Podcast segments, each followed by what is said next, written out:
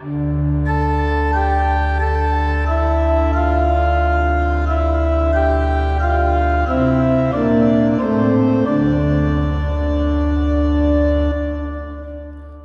välkommen ska du vara till Predikoverkstan, en podcast från församlingsfakulteten i Göteborg. Daniel Johansson går här igenom kommande söndags evangelietext till hjälp för dig som förbereder en predikan inför söndagen eller för dig som är allmänt intresserad av att veta mer om evangelietexten. På vår hemsida www.ffg.se kan du hitta genomgångar för alla tre årgångar i evangelieboken. Och där kan du också hitta information om hur du kan stödja fakultetens arbete. Men nu, en genomgång av kommande söndags evangelietext. Vi önskar dig god lyssning. Andra årgångens evangelium för heliga trefaldighets dag utgörs av de fem sista verserna av Matteus evangeliet, det vill säga Matteus 28, 16 till och med 20. Vi börjar med att kommentera texten språkligt. I vers 16 eh, kan vi lägga märke till att det är första och enda gången som talet hendeka används hos Matteus. Hoi de hendeka mathetai, de elva lärjungarna. Eis to oros ho etaxa to autois eh, kan tas i vid mening med betydelsen till bergstrakterna eller till kullarna.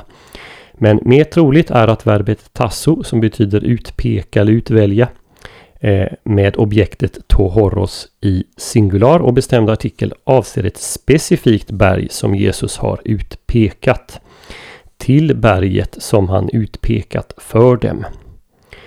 En annan möjlig översättning om man tar verbet tasso i meningen utvälja är till berget där han utvalde dem.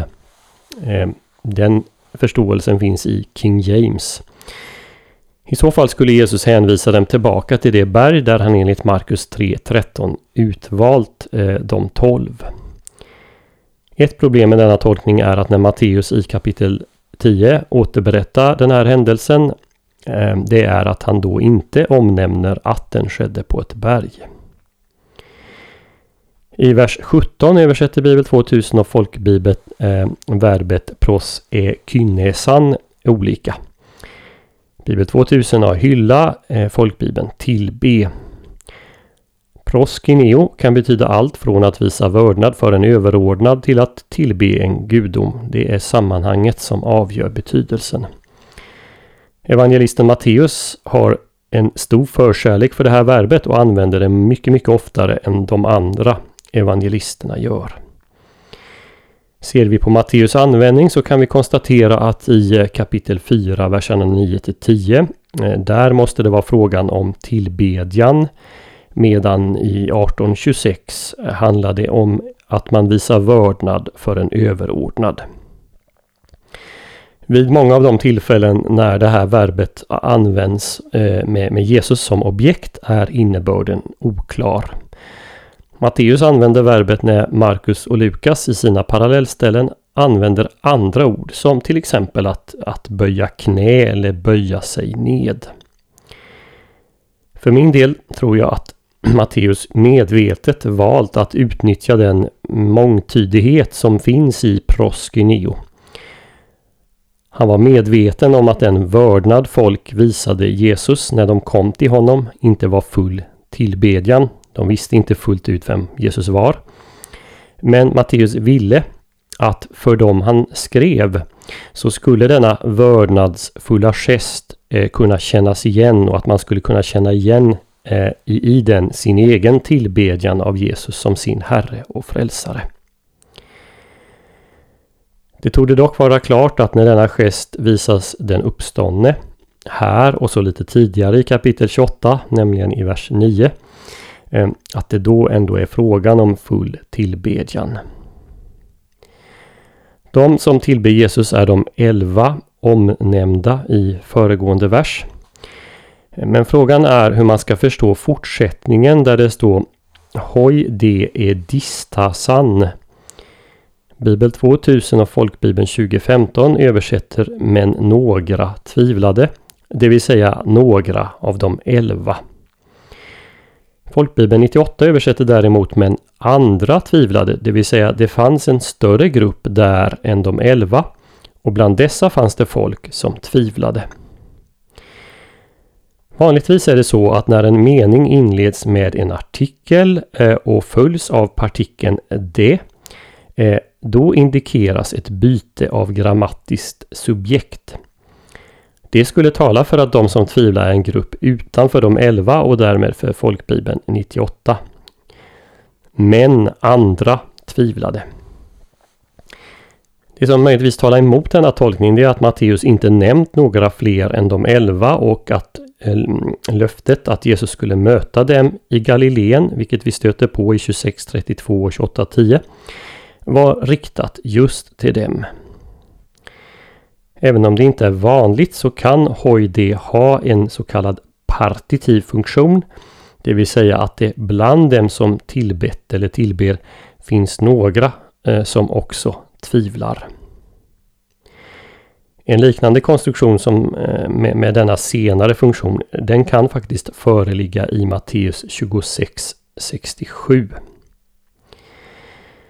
Bland de som översätter hoj det som det normalt eh, brukas göra, nämligen med byte av grammatiskt subjekt, så finns det en del exegeter som menar att denna händelse är densamma som den Paulus omnämner i första Korintierbrevet 15 när han säger att mer än 500 bröder vid ett tillfälle sett den uppståndne Jesus.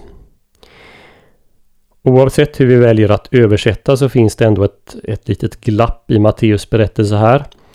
Eh, om det var en annan grupp än de elva som tvivlade står det inte omnämnt vilka dessa var. Och om det handlar om de elva står vi ändå inför frågan hur och i vilket avseende de tvivlade. I vilket fall så benöter Jesus tvivlet genom att komma emot dem och tala till dem. Så går vi fram till vers 19. På revthentes on mathitevsate. På revomaj, verbet på revomaj, att komma, att gå, ehm, är ett frekvent, eh, är frekvent förekommande i aoristparticip före huvudverb hos Matteus. Eh, det här sker faktiskt hela 11 gånger. Eh, och så är ju fallet här. På revfentes är ett aoristparticip. Som sådana beskriver de genomgående omständigheten för huvudverbet och är i grammatisk mening överflödiga. För att kunna göra lärjungar av alla folk måste de först förflytta sig från berget i Galileen. Gå och göra. Eh, uppmaningen är därför åtminstone inte i, eh, i grammatisk mening att gå ut utan att göra lärjungar. Efter att ha gått ut, gör lärjungar. Hur dessa lärjungar görs beskrivs närmare genom två presensparticip, döpande och lärande. Dopet ska ske eis to onoma to patros kai to hio kai to hagio pneumatos. Lägg här märke till att namn på grekiska står i singularis med bestämd artikel. I den judiska kontexten så tog det Eh, det bara kunna vara fråga om Guds eget namn JHVH. Men detta är ett namn som tillhör eller delas av tre av Fadern, Sonen och den helige Ande. En möjlig men mindre trolig tolkning av dopformen är att de upprepade kaj eh, och, och ska förstås som epexegetiska, det vill säga som uttolkningar av namnet. Eh, det innebär i så fall att dop sker i namnet som är Fader, Son och Helig Ande. Till sist ett par språkliga kommentarer till vers 20. Verbet tereo har närmast betydelsen hålla vakt över eller bevara. Det kan som i Matteus 19.17 innebära att lyda buden, men verbet har en bredare betydelse. Här handlar det om att bevara panta hossa eneteilamen hymin. Allt som jag har befallt eller allt som jag har gett er instruktioner om. Bibel 2000 översätter Panta Hossa med alla de bud, vilket är lite problematiskt för Jesu undervisning har varit mer omfattande än ett antal bud. Poängen här i slutet är att lärjungarna är satta att bevara allt det Jesus undervisat dem i. För att sedan när de själva gör nya lärjungar, eh, de ska lära dem att på samma sätt bevara Jesu undervisning. Panta hossa eneteilamen hymin åsyftar då närmast hela den undervisning Matteus låtit skriva ner i sitt evangelium. Matteus 28.20 har därmed samma funktion som förmaningen att inte dra ifrån eller lägga till något. Eh, den som vi finner alldeles i slutet på Uppenbarelseboken 22.19. Man kan dela in vår korta läsning i två delar där den första beskriver hur lärjungarna gör som Jesus befallt och Jesus håller sitt löfte. Verserna 16 och 17.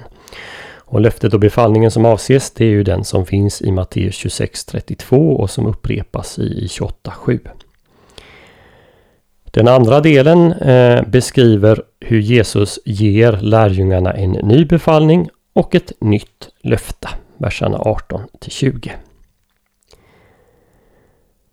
De fem sista verserna av Matteus evangeliet eh, utgör en nyckel till att förstå evangeliet i sin helhet. Det är därför inte så märkligt att det finns en närmast oöverblicklig mängd studier över dagens text med otaliga infallsvinklar. Kristologi, trinitarisk teologi, dop, mission och prästämbete bara för att nämna några.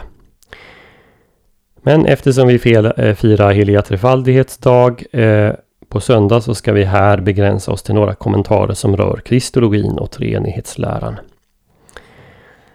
Och då kan vi först notera att berget ofta är platsen för Guds uppenbarelse.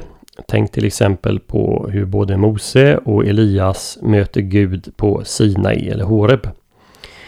Templet i Jerusalem är beläget på ett berg. Och Jesus har i Matteus evangeliet eh, eh, hållit sin stora predikan på ett berg, på bergspredikan. Han har visat sig på ett övernaturligt himmelsätt inför tre av lärjungarna på förklaringsberget eh, och så vidare. Jag har i pdfen till den här podden listat de ställen när Matteus berättar att Jesus befinner sig på ett berg. Eh, att han just markerat att Jesus också här befinner sig på ett berg, det vittnar i sig om den här händelsens betydelse. Flera saker i avsnittet visar att Jesus står på Guds sida av den gräns som skiljer skaparen från skapelsen. Det står att de elva tillbad Jesus. Men i Matteus 4, 9-10 har Jesus själv klargjort att bara Gud ska tillbes. Vi får därför dra slutsatsen att Jesus blir inkluderad i gudomen här. Vidare säger Jesus att all makt i himlen och på jorden givits åt honom, det vill säga att han besitter gudomlig makt. Här kan vi också notera en kontrast till Matteus 4, närmare bestämt verserna 8 9. Och även eh, till paralleller som finns i 6, 10 och 11, 27. Det är möjligt att Jesus här anspelar på Daniel kapitel 7, verserna 13 till 14 Eh, men stället där talar inte om allmakt som här. För den evangelisk-lutherska kristologin så har utsagan varit ett nyckelställe för anspråket att, den, att Kristi mänskliga natur upphöjts till Guds högra sida och att således människan, Kristus, givits gudomliga egenskaper. Så som Gud har Kristus alltid varit allsmäktig, men så som människa har han givits all makt. För det tredje lägger vi märke till att Jesus, sonen, har del i det gudomliga namnet. Guds eget unika namn delas av tre personer, Fader, Son och Ande. För det fjärde eh, noterar vi att Jesus också gör anspråk på allestädes närvaro. Han lovar att vara med lärjungarna alla dagar. Den sista versen anknyter till ett tema hos Matteus. Jesus är enligt uppenbarelsen till Josef, Immanuel, Gud med oss. Det finner vi i 1.23. Jesus själv lovar att vara mitt ibland dem som samlas i hans namn i 18.20. Och här till sist lovar han att vara med överallt ända till tidens slut. Det här löftet är samtidigt också möjligen en anspelning på en betydelse av Guds namn eh, som Gud uppenbarat för Mose vid den brinnande busken i Andra Mosebok 3.14. Eh, det som också finns med i den här söndagens gammaltestamentliga text. Eh, det Gud då säger, jag är den jag är. Mm, det kan också översättas, jag ska vara den jag ska vara. I meningen just att han lovar att vara med Moses och folket. Vi lägger också märke till att evangelietexten innehåller Nya Testamentets tydligaste trinitariska utsaga. Ett namn delas av tre. De stora fornkyrkliga symbola talar om att tre personer delar samma väsen. I sak uttrycks samma sak här, men det talas istället om att Guds unika namn delas av tre. Det är inte den enda trinitariska utsagan hos Matteus. Fadern, Sonen och Anden nämns implicit tillsammans vid Jesu dop i Matteus 3, 16 och 17. Senare i Jesaja-citatet som vi finner i 12 och 18. I en diskussion om Jesu utdrivande av onda andar i 12.28 och även i samband med citatet av Saltaren 110 i Matteus 22, 43. Men klimax i denna uppenbarelse av treenigheten finner vi i dopformuleringen i 28.19. Döp dem i namnet som tillhör Fadern, Sonen och den helige Ande. Så hoppas vi att denna genomgång får bli till hjälp och välsignelse för dig som har lyssnat. På vår hemsida www.ffg.se kan du hitta information om hur du kan stödja fakultetens arbete, bland annat som genom den här podcasten. Ett sätt att stödja är att skänka en gåva genom Swish. Församlingsfakultetens Swish-nummer är 123 100 8457. Alltså 123 100 8457. Mottagaren som anges är Peter Isak Bens utbildningsstiftelse. Märk gärna gåvan FFG Podcast om du vill stötta just denna podden. Så önskar vi dig allt gott och Guds välsignelse.